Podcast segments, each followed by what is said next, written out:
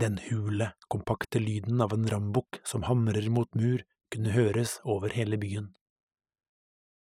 Snart sluttet enda to rambukker seg til den rytmiske dunkingen, som av og til fremsto som nær sammenfallende, som om bare én eller to var i arbeid. Andre ganger fulgte tre dunk regelmessig etter hverandre igjen og igjen i mange minutter, som om en høyere makt nøye hadde synkronisert det ødeleggende arbeidet. Byens skjebnetime var kommet.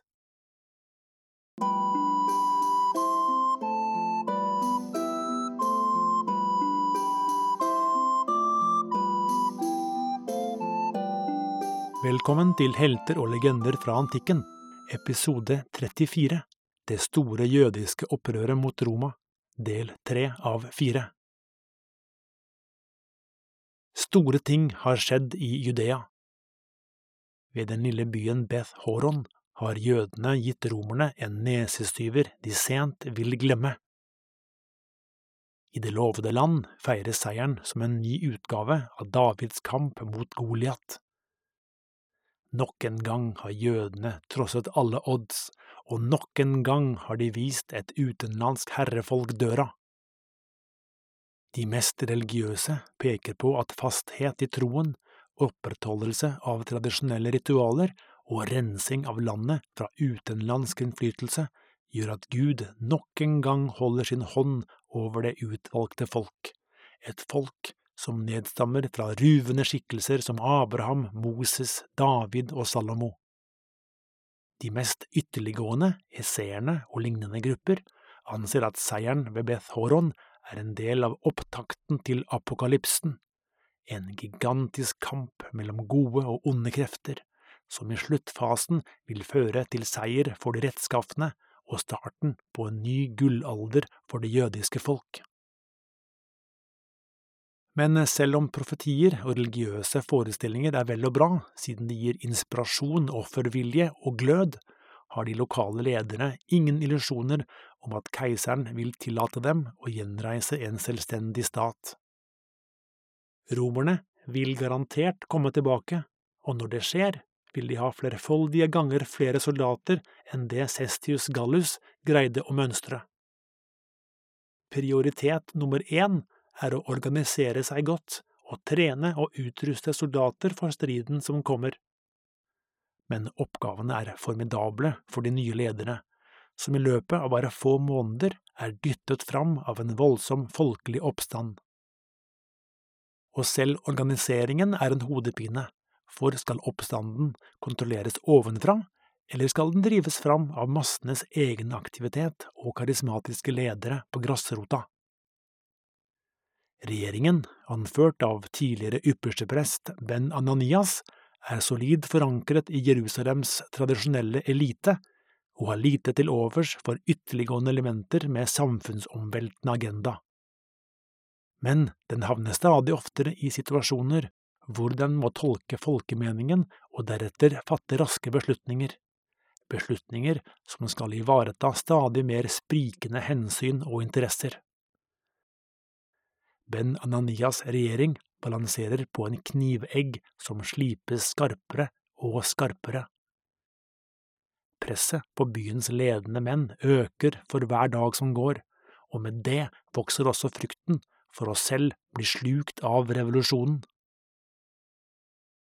Ikke alle regjeringens avgjørelser er vanskelige.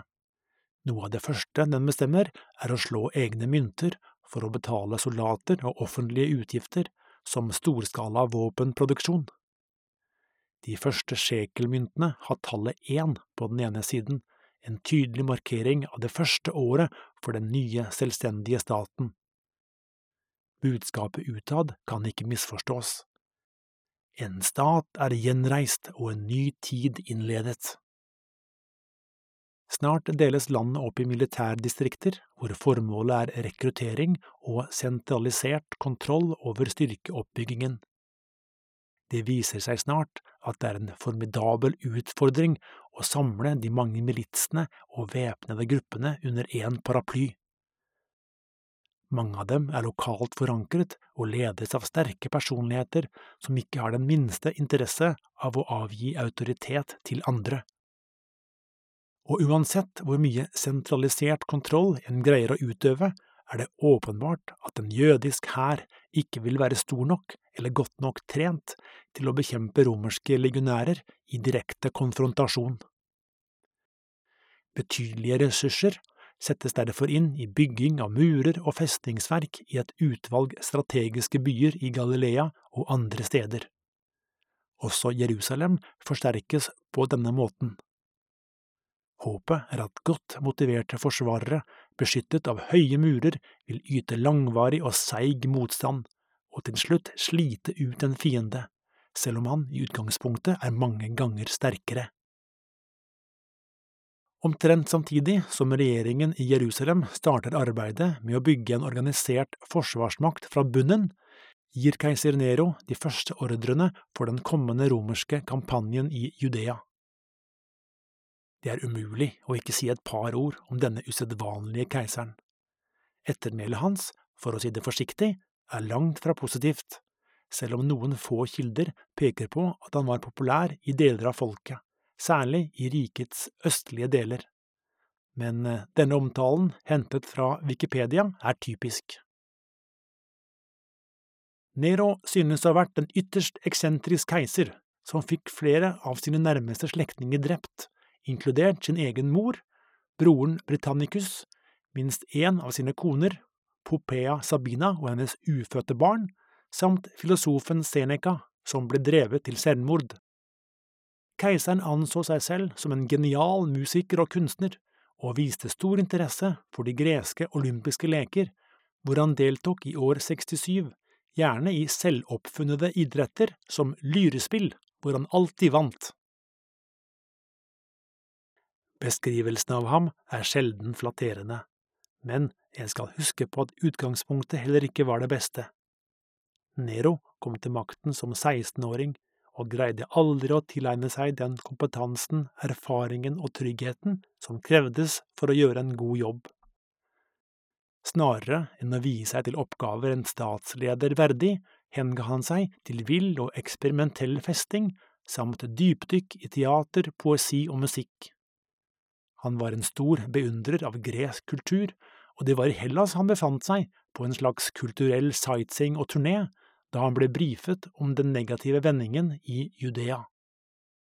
En kan spørre hvor stor interesse keiseren har for denne type problemer, som var så langt fra hans drømmehagelignende tilværelse som det nesten var mulig å komme. Følgende kan vi selvsagt ikke vite, men det er nærliggende å anta at brifen om den lille, trøblete provinsen langt der borte i øst ikke blir annet enn en kjedelig distraksjon. Det er ikke noe han egentlig trenger å bruke energi på. Roma er uansett verdens supermakt, og han kan stole på at legionene raskt vil gjenopprette tingenes naturlige tilstand. Detaljene kan overlates til rådgivere og generaler, slik at han selv kan returnere til fysiske og kulturelle nytelser i sitt favoritt-ferieland. Uansett keiserens interesse for politikk og militære spørsmål, er det av stor betydning å utpeke en egnet øverstkommanderende for den kommende kampanjen. Keiseren får utvilsomt nøye uttenkte råd, og valget faller til slutt på Flavius Vespanianus, kalt Vespasian, en 58 år gammel høyt rangert general. Vespasian kan allerede se tilbake på en lang og ærerik karriere med posteringer i Trakia, Hellas, Germania og Britannia. Foruten general har han også vært konsul i Roma, statens høyeste embete under keiseren, og guvernør i den viktige provinsen Afrika, omtrent dagens Tunisia. Til forskjell fra mange andre toppfolk har Vespasian jobbet seg opp fra relativt enkle kår. Dyktighet, besluttsomhet og robusthet, men også pleie av kontakter og god nese for karrierefremmende allianser, har banet vei til maktens høyeste sirkler. Dit har han også brakt sin eldste sønn, Titus, som i likhet med faren har valgt soldatyrket og allerede viser lovende tendenser som hærfører. Vespasian får betydelige ressurser til disposisjon. I første omgang blir femte legion Makedonia, tiende legion Fretensis og femtende legion Apollinaris direkte underlagt hans kommando, i tillegg til titusener av støttetropper avgitt av allierte konger i den østlige delen av riket. Det anslås at de samlede romerske styrkene omfattet 60 000 soldater. I kretsen rundt Nero er det utvilsomt en og annen som kjenner uro over at så mye makt delegeres til én mann. Opp gjennom tidene har mang en romersk hærfører brukt legionene til å fremme egne interesser, av og til i direkte opposisjon til rikets øverste ledere. Men eh, det taler til Vespasians fordel at han gjennom sin lange karriere har vist seg som en pliktoppfyllende general alltid lojal mot den til enhver tid sittende keiseren. Fra Hellas setter Vespasian kursen østover gjennom Anatolia, deretter bærer det sørover langs kysten av Syria. Når han nærmer seg Judea nordfra i april år 67, er styrkene så godt som fulltallige. Planen er å gå skrittvis fram. Først teste motstanden i Galilea med mål om å pasifisere landsbygda og innta strategiske byer og festninger, og først deretter vurdere fremstøt sørover mot Jerusalem. Det er all grunn til å tro at Vespasian er energisk og optimistisk når han diskuterer slagplaner med sin sønn og andre høyere offiserer. Han rår over førsteklasses legionærer. De er erfarne, godt øvet og bra avlønnet. Soldatutrustningen er masseprodusert i statlig regi og av høy kvalitet. Hver legionær bærer et skutum, et stort kurvet rektangulært skjold som gir god beskyttelse mot piler og kastevåpen.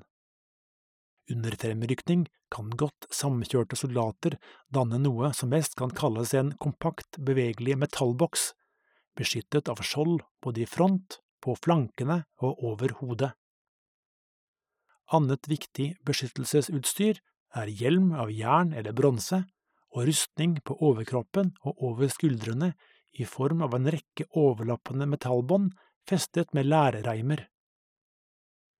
Hva våpen angår, bærer alle legionærer pilum og gladius.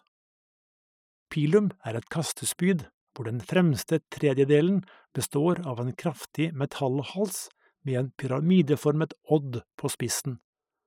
Det kan brukes som lanse i nærstrid, men effekten er ofte størst når et stort antall pila kastes samtidig og koordinert mot fienden.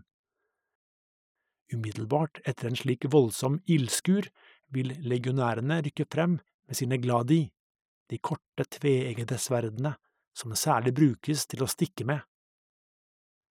Ofte var stikkskader, helst mot fiendens vitale organer eller pulsårer, langt mer dødelig enn sverdhugg. En viktig del av slagkraften utgjøres av ulike former for artilleri, som ballista, en slags enorm mobil armbrøst som med voldsom kraft kunne slynge metallbolter eller steiner, og katapulter, svære innretninger som kunne kyle tunge steiner hundrevis av meter av gårde, for eksempel mot en festningsmur. Under beleiring av fiendtlige byer kan slike våpen ha stor effekt. Akkurat som ved troppeforflytninger, logistikk og etterforsyning krever også betjening av artilleri og beleiringsvåpen spesialistkompetanse. Denne er tilegnet gjennom mange års opplæring og trening i godt samkjørte enheter. Legionærene utgjør kjernen i Vespasians armé, men også de mange tusen allierte som varierer både i utrustning, erfaring og taktikk på slagmarken, spiller en viktig rolle. Mange er tungt bevæpnede fotsoldater, men det er også bueskyttere til hest, slyngekastere og rekognoseringstropper. Til sammen utgjør de 60 000 soldatene en formidabel trussel mot den jødiske oppstanden.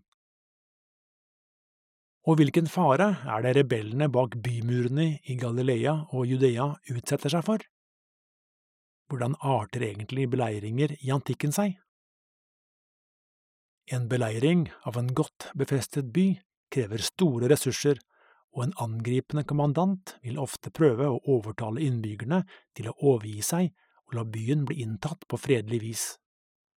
Ulike kombinasjoner av trusler og lovnader om fritt leide og beskyttelse av liv og eiendom kan bli framsatt for å oppnå dette. Men eh, hvis forsvarerne avslår alle tilbud og beleiringen starter for alvor, var konvensjonen enkel.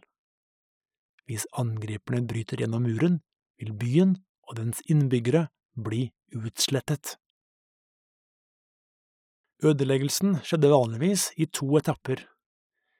I timene etter gjennombruddet, særlig etter en langvarig og vanskelig beleiring, ville angriperne strømme inn og hogge ned for fote i et slags moralsk vakuum. Ikke bare fiendtlige krigere, men gamle, kvinner og barn, selv spedbarn, kan bli drept på stedet, av og til på grusomste vis. Kvinner og unge jenter kan bli utsatt for gjengvoldtekt, torturert og drept. Gjenstander og inventar i templer og bygninger knuses, stikkes i brann eller stjeles. Blodige kropper i gatene, tortur for åpen gate, mennesker som skriker i smerte. Utslettelsen av en by må ha vært et gruoppvekkende syn. Når den verste blodrusen legger seg, overtar offiserenes kalde beregninger scenen. Fiender i våpenfør alder henrettes, lemlestes eller legges i lenker for salg på slavemarkedene. De uheldigste vil senere ende opp i miserable lenkegjenger i imperiets gruver eller på gårdene til stormenn, hvor de i årevis vil trelle under formennenes piskeslag. Kvinner og barn sorteres i ulike kategorier før de føres bort, også de for å bli solgt som slaver, om det er til rikfolks husholdninger eller andre formål. Scenene som utspilte seg når innbyggerne i en erobret by bryskt skilles fra sine kjære, må ha vært hjerteskjærende. En erobring er en anledning til berikelse, så alt av verdisaker, inkludert religiøse gjenstander, konfiskeres og fordeles, hvor størsteparten av byttet tilfaller offiserene og kommandanten. Under store erobringer i regi av de keiserlige legionene var det vanlig at en andel av byttet, særlig symbolske gjenstander, men også prominente krigsfanger, ble sendt til Roma for framvisning. I tillegg til å oppfylle en militær hensikt var erobringen et godt høve til å spre skrekk en form for kalkulert og målrettet terror. Ved å høre de grusomme historiene om hva deres landsmenn ble utsatt for, ville andre byer kanskje tenke seg om to ganger før de valgte motstand og ikke overgivelse. En stammehøvding i Skottland skulle noen år senere bruke følgende ord for å beskrive romernes framferd i krig. Å plyndre, slakte og stjele dette gir de det falske navnet imperiebygging. Det de gjør, er å etterlate en ødemark, og de kaller det fred. Vespasian hadde neppe forhåpninger om raske seire. Han var innstilt på langvarig krigføring med en serie slag og beleiringer. Med ødeleggelse av landsbyer og gårder kutting av forsyningslinjer og hensynsløs framferd mot de som yter motstand, en strategi preget av sverd og ild, skal område etter område tvinges i kne. Når den massive romerske styrken marsjerer inn i Galilea, oppstår det panikk i den største jødiske hærgruppen, og både soldater og sivile søker tilflukt i borger og befestede byer. Den lille, men strategisk beliggende byen Jotapa ligger på en høyde, med bratte skrenter på flere sider. Den er tilholdssted for tusener av jødiske krigere, inkludert områdets øverstkommanderende, og blir raskt gjenstand for romersk interesse. Etter kort tid har Vespasians styrker omringet byen og avskåret den fra verden utenfor, og dermed umuliggjort enhver flukt men eh, forsvarerne gir ingen tegn til overgivelse og beleiringen starter. Vi kan bare forestille oss følelsen innbyggerne sitter med når de skuer over bymuren og innser hvor store styrker Roma har mobilisert for å knuse dem. I tillegg til tusenvis av tungt bevæpnede menn ser de artillerienheter settes i posisjon, og godt organiserte arbeidsgjenger i full gang med å bygge plattformer, beleiringstårn og noe som skal bli en svær rambukk. Tanken på hva som venter hvis byen inntas, må ha gitt bølger av panikkangst selv i den mest hardbarkede kriger. Men Jotapas forsvar er godt organisert, og romerne settes på prøve. På grunn av beliggenheten er byen umulig å innta med et frontalangrep, og i starten av beleiringen gjennomfører forsvarerne flere raske utfall mot mindre grupper romerske soldater. Med fordelen som følger av overblikk fra høye murer, kan lederne raskt utnytte muligheter som dukker opp, og sende ut målrettede nålestikkangrep, gjerne kombinert med en skur av piler, spyd og stein fra oven. Særlig viktig er det å hindre romerne i å bygge ramper og angrepstårn. De jødiske opprørerne yter seig motstand, men en begynnende vannmangel og vissheten om at romerne ikke kommer til å gi opp, begynner å tære på. Til tross for iherdig innsats greier de ikke å hindre romerne i å bygge en høy rampe av stein og jord.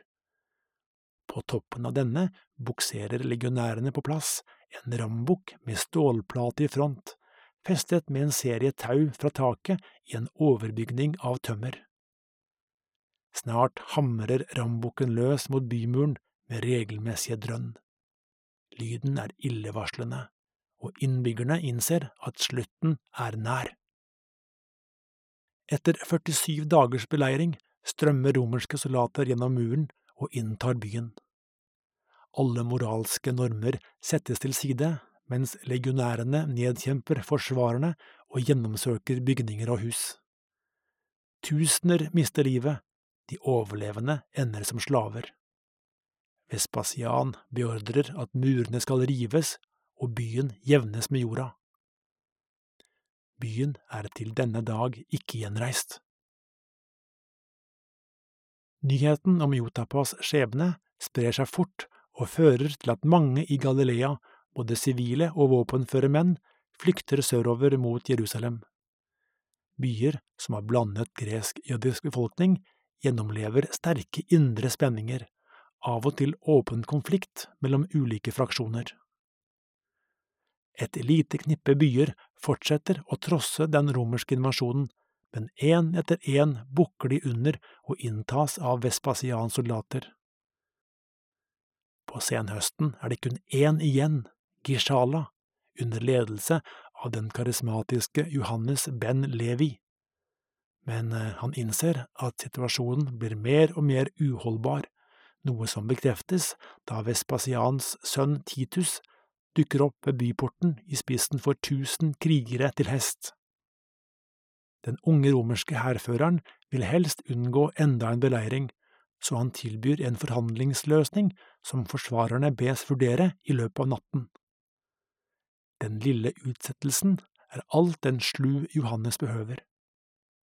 Mens romerne hviler i leiren sin et stykke unna, sniker de jødiske forsvarerne seg usett ut og setter kursen sørover i et voldsomt tempo. Når Titus dagen etter oppdager at han er lurt, innledes en febrilsk jakt. Etternølere og de langsomme innhentes, men Johannes og størsteparten av hans menn kommer seg unna og tar seg etter hvert helt fram til Jerusalem. Men dette er bare en liten strek i regningen i det større bildet. Vespasian kan trygt konkludere at kampanjen så langt har gått etter planen. I løpet av ganske få måneder er Galilea brakt under full romersk kontroll, og troppene kan snart ta en velfortjent hvil i sitt vinterkvarter ved kysten for den neste og vanskeligste delen av kampanjen – angrepet mot Jerusalem.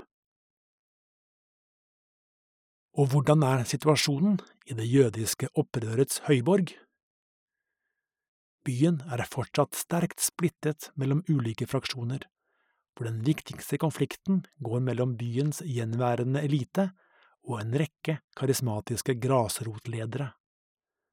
Selv om førstnevnte har tatt et valg for jødisk selvstendighet, er den også opptatt av å beholde sin privilegerte posisjon. Hardbarkede frihetskjempere på grasrota, derimot, har andre prioriteringer. De er ikke fremmede for en radikal nyordning av samfunnet, og makten de har samlet, er resultat av mange år med oppofrelse og kamp mot urettferdighet. Å dele slik hardt ervervet makt med folk som allerede nyter godt av privilegier, er uaktuelt. I takt med at Jerusalem vinteren 67–68 fylles opp av flyktninger, desperate, men hardføre krigere fra Galilea og andre områder, men også kvinner og barn, endres maktbalansen i elitenes disfavør.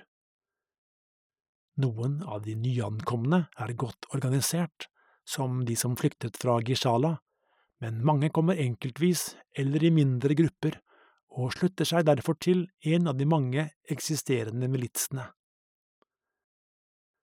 Ben Ananias og hans regjering må urolig konstatere at byen nærmest flommer over av opprørske krigere, for mange allerede har følt legionenes brutale framferd. De som har mistet sine kjære, nærer et brennende hat til romerne og alle som står i ledtog med dem. Organiserte militser tar etter hvert kontroll over hele bydeler. Opprørslederen Eliasar Ben Simon etablerer hovedkvarter på selveste tempelhøyden, en handling som åpent utfordrer regjeringens autoritet. Den radikale trusselen blir enda et par hakk sterkere når Johannes ben Levi og hans krigere fra Gishala gjør felles sak med Eliasar. Alliansen mellom de to karismatiske seloterlederne er skjør, men de forenes i sin mistillit til regjeringen. Snart føler de seg sterke nok til å gi ordre om at utvalgte aristokrater, de som anses som forrædere mot den nasjonale motstandskampen, skal arresteres og henrettes. Ben Ananias regjering kjenner nå kniven på strupen og innser den må kvele den radikale trusselen snarest mulig. Så de setter inn regjeringsstyrker som etter harde gatekamper greier å renske de fleste bydelene for militskrigere. Snart er selotene isolert på tempelhøyden, uten tilgang til mat og forsyninger.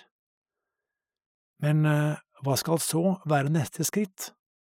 I øyeblikket har regjeringen overtaket, men har den nok mannskap og ressurser til å holde den radikale opprørsbevegelsen i tømme over tid? Diskusjonen går høyt blant Ben Ananias og hans rådgivere. Maktbalansen er i ferd med å forrykkes, og det er overhengende fare for et radikalt kupp, i realiteten en revolusjon. Er de villige til å ta risikoen på å miste sine privilegier og underkaste seg en eller flere grasrotlederes vilkårlige maktutøvelse? Konklusjonen blir et rungende nei så regjeringen tar en drastisk beslutning. Den vil sende hastebud til Vespasian, hvor han inviteres til å innta byen for å gjenopprette orden. Regjeringens hensikt blir raskt kjent i byen, og effekten er som en brannbombe. For selotene er dette det endelige beviset på at øvrigheten bare er opptatt av å beskytte seg selv. Å invitere fienden inn i Jerusalem er intet mindre enn forræderi av nedrigste sort. Men evnen til å stoppe forræderiet er svak, så lederne på tempelhøyden sender bud om hjelp til folkemilitser i områdene sør og øst for byen. Snart dukker det opp tusener av krigere ved byens porter. Til sin store frustrasjon kommer de dit og ikke lenger, for regjeringen har kontroll over all ferdsel inn i byen, de nyankomne nektes bryskt adgang.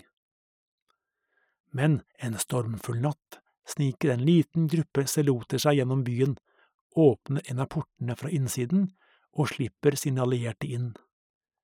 De ledsages raskt til tempelhøyden, hvor de mottas av jublende kampfeller.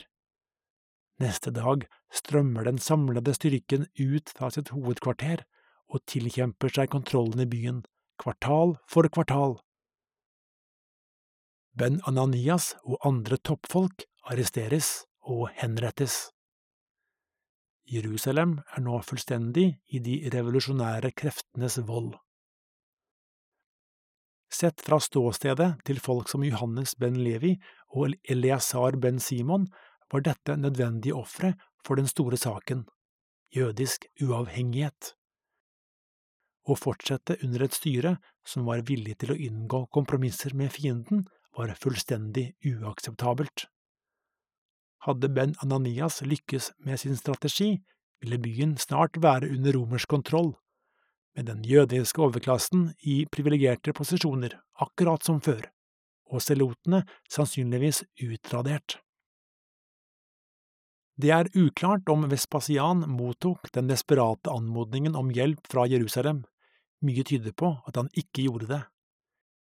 I første del av år 68 deler han opp armeen i mindre enheter, som sendes på målrettede oppdrag mot gjenstående jødiske baser i kystområdene og andre steder.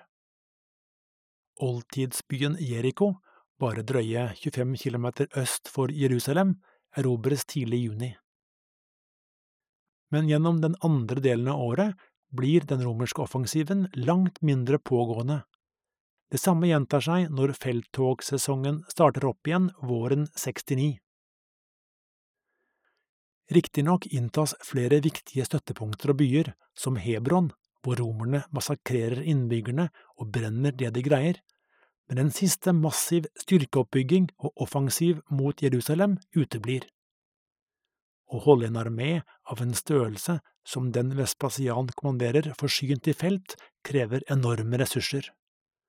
Lange, strevsomme marsjer og krigføring krever mer energi enn en tilværelse i kaserner og det er estimert at det gikk med 300 tonn korn, dyrefòr og andre næringsmidler, pluss 340 000 liter vann, per dag.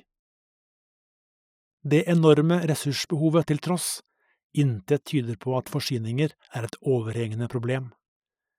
Og hele landet er nå i et romersk jerngrep, med unntak av et par–tre mindre festninger ute i ødemarken så hvorfor ikke dra til renneløkken og kjøre på med en altomfattende offensiv mot Jerusalem? Men eh, Vespasian har gode grunner til å sette på bremsene, og disse grunnene er ikke å finne i Judea, men i Roma. Siden våren 68 var det kommet en rekke urovekkende nyheter fra det keiserlige hoff, som tydet på at ting var i ferd med å spinne fullstendig ut av kontroll. Én ting var keiserens personlige eksesser. I år 67 hadde han giftet seg med en ung gutt, Sporus, som han deretter fikk kastrert. En av de viktigste egenskapene til ynglingen var at han lignet på Neros andre ektefelle, Popea, som keiseren i et raserianfall hadde tatt livet av noen år før. I offentlige tilstelninger lot Nero seg lensage av den vakre unge evnukken, fullt oppkledd som keiserinne. Uhyrligheter som dette sjokkerte den konservative romerske overklassen, trolig også Vespasian, men eh, langt mer urovekkende var det at Neros tøylesløse livsstil og grenseløse byggeprosjekter begynte å tære kraftig på statens finanser. Misnøyen mot keiseren hadde gjerdet i flere år, men våren 68 rapporteres det om raskt voksende uro i flere provinser, både i Gallia, nåværende Frankrike, og ved Rhinen langs grensen til Germania. Når en guvernør åpent utfordrer keiseren, og en annen guvernør sendes av sted for å straffe ham, møtes romerske legioner i åpen kamp på slagmarken, for første gang siden de ødeleggende borgerkrigene over hundre år tidligere. Det er åpenbart for alle at den romerske staten er i alvorlig krise. Den illevarslende informasjonen fra Roma tvinger mektige menn som Vespasian til nøye refleksjon rundt egen posisjon og egne muligheter. Instinktet er å være lojal mot keiseren. Tross alt, det er dette han har bygget hele sin karriere på. Samtidig er krisens videre forløp høyst uforutsigbart, så han anser det er feil tidspunkt å starte en lang og utmattende beleiring av Jerusalem, et foretak som vil binde opp store ressurser i lang tid. Så Vespasian velger å vente. Han har nok av tid. For eh, Nero derimot kan tiden ikke gå langsomt nok, for på forsommeren 68 er maktbasen til den eksentriske keiseren i ferd med å klappe sammen som et korthus. Sjelden har veien fra imperieleder til fritt vilt vært kortere. Nådestøtet kommer når Nero får nyss om at senatet, rikets øverste rådgivende forsamling, har erklært ham som offentlig fiende, i realiteten en dødsdom. På flukt fra statens bødler søker Nero tilflukt i sin egen villa, hvor han tidlig i juni begår selvmord, visstnok mens han ytrer ordene Hvilken kunstner mister ikke verden i meg? Keiserens blod har knapt rukket å størkne før spillet om toppstillingen er i gang, med de keiserlige legionene som de viktigste brikkene. Det kommende året skal intet mindre enn fire menn forsøke å sikre seg keisermakten. De tre første overlever ikke forsøket. Felles for disse tre var at de tilhørte den etablerte romerske eliten og lente seg på støtte fra rikets vestlige og nordlige provinser, ikke minst de mange legionene langs Rhinen. Hæren spilte nesten alltid en nøkkelrolle i bestrebelsene på å sikre keisermakt, og den eller de legionene som fikk sin kandidat på tronen, kunne regne med favorisering, bonuser og særbehandling i lang tid. Situasjonen for Vespasian og de østlige legionene var slikt sett svært ugunstig. De risikerte nå å havne i en statusmessig og økonomisk bakevje og hvordan kan man best kontre en slik utvikling? Det er uråd å fastslå hvordan ideen ble født, om den kom fra legionærene, fra smarte rådgivere eller fra Vespasian selv, men en eller annen gang i første halvår året 69 bestemmer Vespasian seg for å melde seg på i kampen. Utfordringen lanseres mot keiser nummer tre, Vitellius, som særlig har støtte fra legionene i Gallia og Verinen. Forut for beslutningen konsulterer Vespasian nøye med stattholdere og generaler i de østlige delene av riket, og det er den romerske stattholderen i Egypt som i juli år 69 erklærer at Vespasian er kandidat til keisertittelen. Egypt var en av rikets mest velstående provinser, og spilte en nøkkelrolle i den livsviktige kornforsyningen til Roma. Støtte fra stattholderen i Egypt var derfor av stor betydning.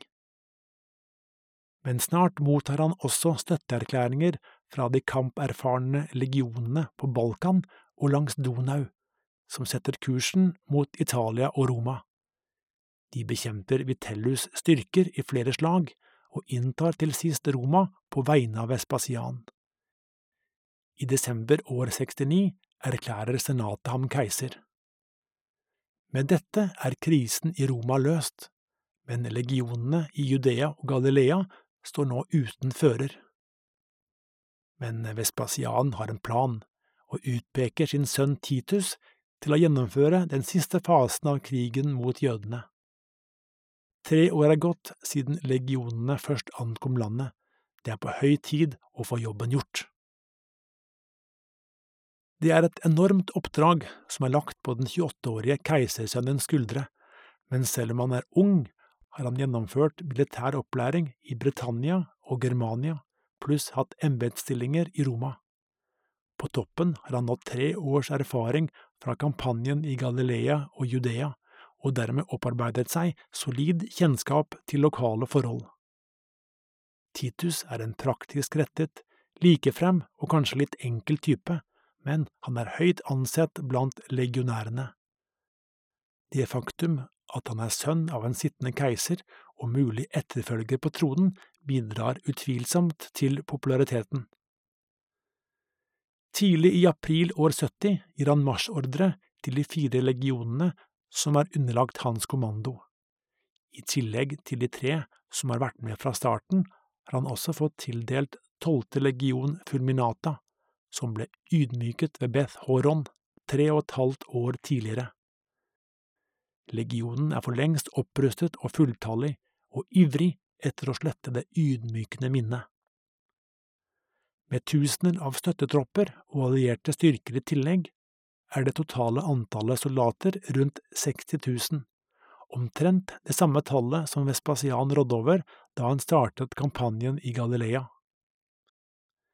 Hvis kvaliteten på styrkene var god den gang, er den minst like god nå, etter tre års krigføring og feltliv. De har møtt sine jødiske motstandere i mange ulike kampsituasjoner og samlet erfaringer som de kan dra nytte av i den avgjørende striden om Jerusalem. Og hva er nå situasjonen i hovedstaden? Selv om Jerusalem har unngått romersk angrep gjennom tre år, betyr ikke det at tiden har stått stille. Murer og festningsverk er kraftig forsterket, og det er bygget en ni meter høy tredje mur rundt den nye byen. Og nye grupper av flyktninger og motstandsmenn, man kan godt kalle dem frihetskjempere, har kommet til i takt med at romerne har herjet og brent rundt i landet. Motstanden mot utenlandsk herredømme er sterkere enn noensinne, og mange ser på tiden de gjennomlever som starten på en ny storhetstid for det utvalgte folk, hvor etterkommerne etter kong David med Guds hjelp skal knuse ondskapens imperium og gi fred og velstand til de rettskaffende. Men selv om drømmen om frihet forener, er det også faktorer som splitter. Nådeløse rivaliseringer mellom ulike grupperinger og militser fortsetter å ri motstandskampen som en mare. Tendensen til oppdeling av byen i ulike områder underlagt karismatiske militsledere forsterkes når en tredje motstandsgruppe under Simon Bar Giora gjør inntog i år 69. Simon står i spissen for tusener av krigere som er herdet i kamp med romerne ute på landsbygda men han kommer snart i klinsj med selotene på tempelhøyden, som er redde for å miste makt og innflytelse. Snart pågår det harde gatekamper mellom de ulike militsene, som til og med omfatter ødeleggelse av motstanderens kornlagre. Bitterheten mellom Eleazar ben Simon, Johannes ben Levi og Simon bar Giora er så stor at den pågår helt opp til Titus' innledende angrep mot Jerusalem i april år 70. Det er først når den eksterne trusselen blir akutt, at de tre makter å samarbeide og danne felles front. I Titus' kolonne av marsjerende soldater er stemningen god. Det er vår, midten av april, og generalen selv er iført full uniform og hjelm dekorert med en staselig kam av farget hestehår. Det blinker i godt vedlikeholdte rustninger når legionene passerer for lengst pasifiserte områder, og det går bare noen dager fra de forlater kysten til de slår leir rett vest for Jerusalem. Generalen selv er i spissen for to legioner, de andre to har han sendt i litt ulike retninger slik at de vil ankomme henholdsvis nord og øst fra. Når Titus skuer utover byen, får han bekreftelse på det han allerede visste. Jerusalems naturgitte beliggenhet er utfordrende, og den er svært godt befestet. Landskapet er kupert, her og der avbrutt av spredte skogholt, olivenlunder og steingjerder. Selve byen er omgitt av raviner og skrenter både øst, sør og delvis i vest, og kan skilte med tre ringer av høye forsvarsmurer, forsterket av strategisk plasserte forsvarstårn. Aller høyest rager tårnet på Antonia-festningen, som Herodes den store i sin tid lot bygge like ved tempelhøyden. Førsteinntrykket skremmer ikke Titus.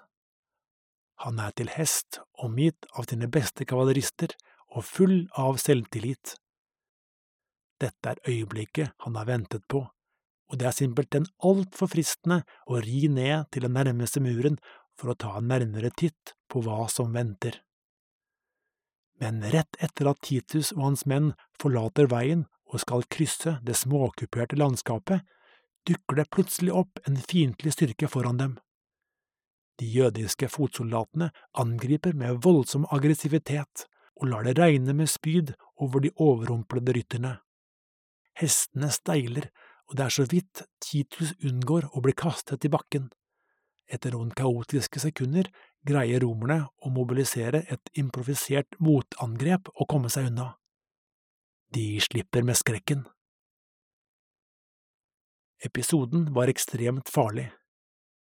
Hvis Titus hadde falt den første dagen, kunne konsekvensene for det forestående angrepet ha blitt alvorlige. I de kommende dagene og ukene vil denne formen for krigføring, plutselige utfall med alt fra noen titalls til flere hundre soldater, sette romerne på alvorlige prøver. En av de mest vellykkede utfallene skjer et par dager senere. Den tiende legion hadde tatt en omvei og ankom byen østfra, så kommandanten besluttet å slå leir på Oljebjerget, som både ligger høyere enn byen og i trygg avstand fra den. Sannsynligheten for angrep anses som nær null. Likevel er det akkurat det som skjer. Mens romerne er konsentrert om byggearbeidet, strømmer flere hundre krigere ut av porter i bymuren og stormer opp mot den uferdige leiren. De gyver løs på de overrumplede romerne, som får panikk. Legionærene er uvant med å slåss utenfor sine faste formasjoner og tvinges på flukt. Titus får beskjed om hva som er i ferd med å skje, og sender forsterkninger til hest som driver jødene tilbake og ned skråningen. Men så strømmer enda flere krigere ut fra portene, og det blir en ny, durabelig kamp om høyden. Først når Titus personlig fører an og oppildner sine menn, greier de å drive fienden tilbake til byen. De første dagene viser med all mulig tydelighet at jødene ikke vil sitte passive og vente på at den romerske hammeren skal banke løs. Tvert imot, gjennom et aktivt og aggressivt forsvar håper de å påføre angriperne størst mulig tap tidlig i beleiringen. Romerne trekker lærdom av de første dagenes ubehagelige overraskelser, og Titus gir ordre om at områdene foran bymurene skal ryddes for trær og hindringer. Hensikten er å gjøre det vanskeligere å operere i skjul og skape forhold som er tettere på det som romerne foretrekker. Det vil også lette utplassering av missilvåpen og beleiringstårn. Legionærene må erkjenne at de ikke lenger står overfor dårlig trente bondesoldater, men godt motiverte menn herdet gjennom flere års motstandskamp, forent i et brennende ønske om frihet fra utenlandsk dominans og utbytting. Jødene kjemper for sine familier, sin religion og sin hellige by, hvor Salomo i sin tid lot bygge et tempel viet den eneste sanne Gud og selv om det første tempelet for lengst er borte, har et enda mer strålende tempel for lengst reist seg. Det andre tempel, som nå er selve brennpunktet for jødisk identitet og selvforståelse. Jødene er også godt utstyrt, selv om våpen og personlig beskyttelse er en god blanding av egenprodusert og erobret romersk materiell. Det er bueskyttere og slyngekastere som kan plage fienden på avstand, og infanteri bevæpnet med spyd og sverd, klare til å møte legionærene i kamp mann mot mann. Bak murene er det lagret steiner og blokker som kan kyles ned mot fienden, og smarte hoder er i full gang med å planlegge hvordan de best kan kontre romernes beleiringsmetoder. Og hvilken metode skal romerne bruke? Et alternativ er å bygge en mengde lange angrepsstiger som settes opp mot murene i et storstilt, koordinert angrep. Men murenes høyde og forsvarernes aggressivitet gjør at risikoen vurderes som for stor. Så Titus og hans offiserer bestemmer seg for å bruke en langsommere, men godt utprøvd metode – å banke hull i muren. Byen er beskyttet av tre murer, den indre muren, som omslutter tempelhøyden, den andre muren, som beskytter de befolkede områdene i bykjernen, og en tredje ytre mur rundt den nye byen, et område som bare er delvis bebygget. Den tredje muren er ni meter høy, men ikke så kraftig som de to andre. Titus bestemmer at angrepet skal skje mot den vestlige delen av den tredje muren, med tre kraftige rambukker. En rambukk er en tømmerstokk eller et kompositt av tømmer og tungt treverk som festes med en rekke tau i taket i en overbygning av tre. Sett utenfra har konstruksjonen form av en massiv, trekantet hytte på hjul. Når rambukken er plassert nær nok, vil mennene inne i hytta svinge stokken att og fram slik at den banker løs på muren foran. For å gi størst mulig kraft i bevegelsen er fronten av stokken dekket av en plate eller kraftig pigg av jern. Hvis rambukken får holde på uforstyrret, vil selv den kraftigste mur gi etter. Steinblokker vil litt etter litt bli banket ut av stilling, eller muren vil sprekke og kollapse. Når åpningen er stor nok, kan angriperne strømme gjennom. Enhver forsvarer vil sette alt inn på å forhindre rambukkene i å utføre sitt arbeid. Så når de tre hyttene bukseres i stilling foran muren, lar jødene det regne med kastevåpen. Overbygningen gir likevel god beskyttelse fra oven. Parallelt står bueskyttere og ballistaer klare til å beskytte alle som stikker hodet fram over brystvernet. Selv om den sitter langt inne og forlater murenes relative sikkerhet, har jødene intet valg. Skal de stoppe rambukene, må de angripe direkte. Så de sender ut flere grupper krigere som havner i voldsomme kamper mann mot mann. Romerne er først på bakbeina, men etter kort tid må angriperne gi tapt og trekke seg tilbake bak murene. Snart lyder det første drønnet fra en rambuks ubarmhjertige arbeid. Lyden høres over hele byen. Innbyggerne vet nå at deres skjebne er beseglet. De må vinne kampen mot Roma, eller hvis fienden bryter gjennom, bli tilintetgjort. Snart ledsages dunkingen fra den første rambukken av de to andre. Hvert slag mot muren gjør den litt svakere. Den illevarslende lyden går folk på nervene. En uke senere greier den største rambukken, talende kalt Viktor, å slå hull på muren. Snart er åpningen stor nok til at legionærene kan storme inn i den nye byen. Men snarere enn å ta opp kampen, trekker forsvarerne seg tilbake til neste mur. I flere dager har de forstått hva som vil skje, og det er mer rasjonelt å samle ressursene bak neste forsvarslinje. Titus gir ordre om at deler av den tredje muren skal jevnes med jorden. Han bestemmer også at det skal etableres leir i et av de åpne områdene rett innenfor. På den måten er romerne godt posisjonert for neste fase, angrepet på mur nummer to. Og Titus lar ikke tiden gå til spille. Snart er rambukkene i posisjon og hamringen i gang på nytt. Han har også gitt sine ingeniørsoldater ordre om å bygge flere kraftige angrepstårn.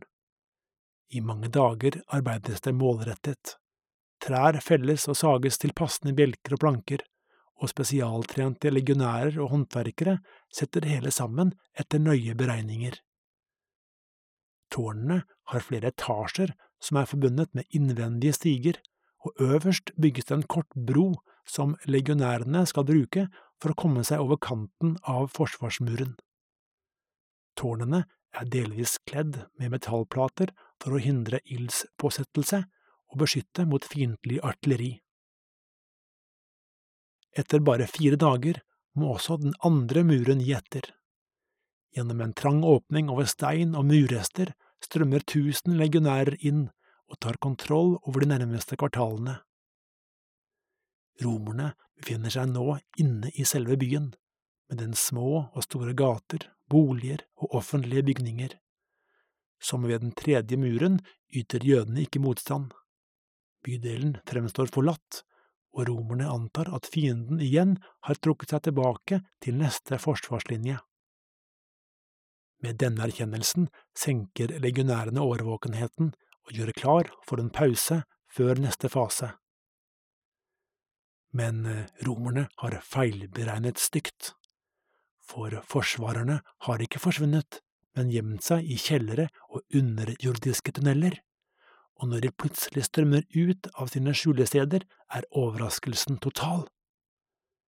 Romerne, som foretrekker kamp i formasjon i åpent lende, er dårlig forberedt på den type urban krigføring som nå utspiller seg. Mange ender i en blodpøl i trange gater og smug. Etter hvert klarer noen legionærer å danne kompakte skjoldborger som skritt for skritt trekker seg tilbake mot den kollapsede muren de klatret over bare kort tid før. Men passasjen over murrestene er ulendt, og bare en håndfull menn kan passere av gangen. Køen og forvirringen som danner seg foran åpningen, blir en dødsfelle, og mange legionærer hugges ned. Oppildnet av suksessen barrikaderer jødene åpningen i muren og bemanner på nytt forsvarstårn og støttepunkter.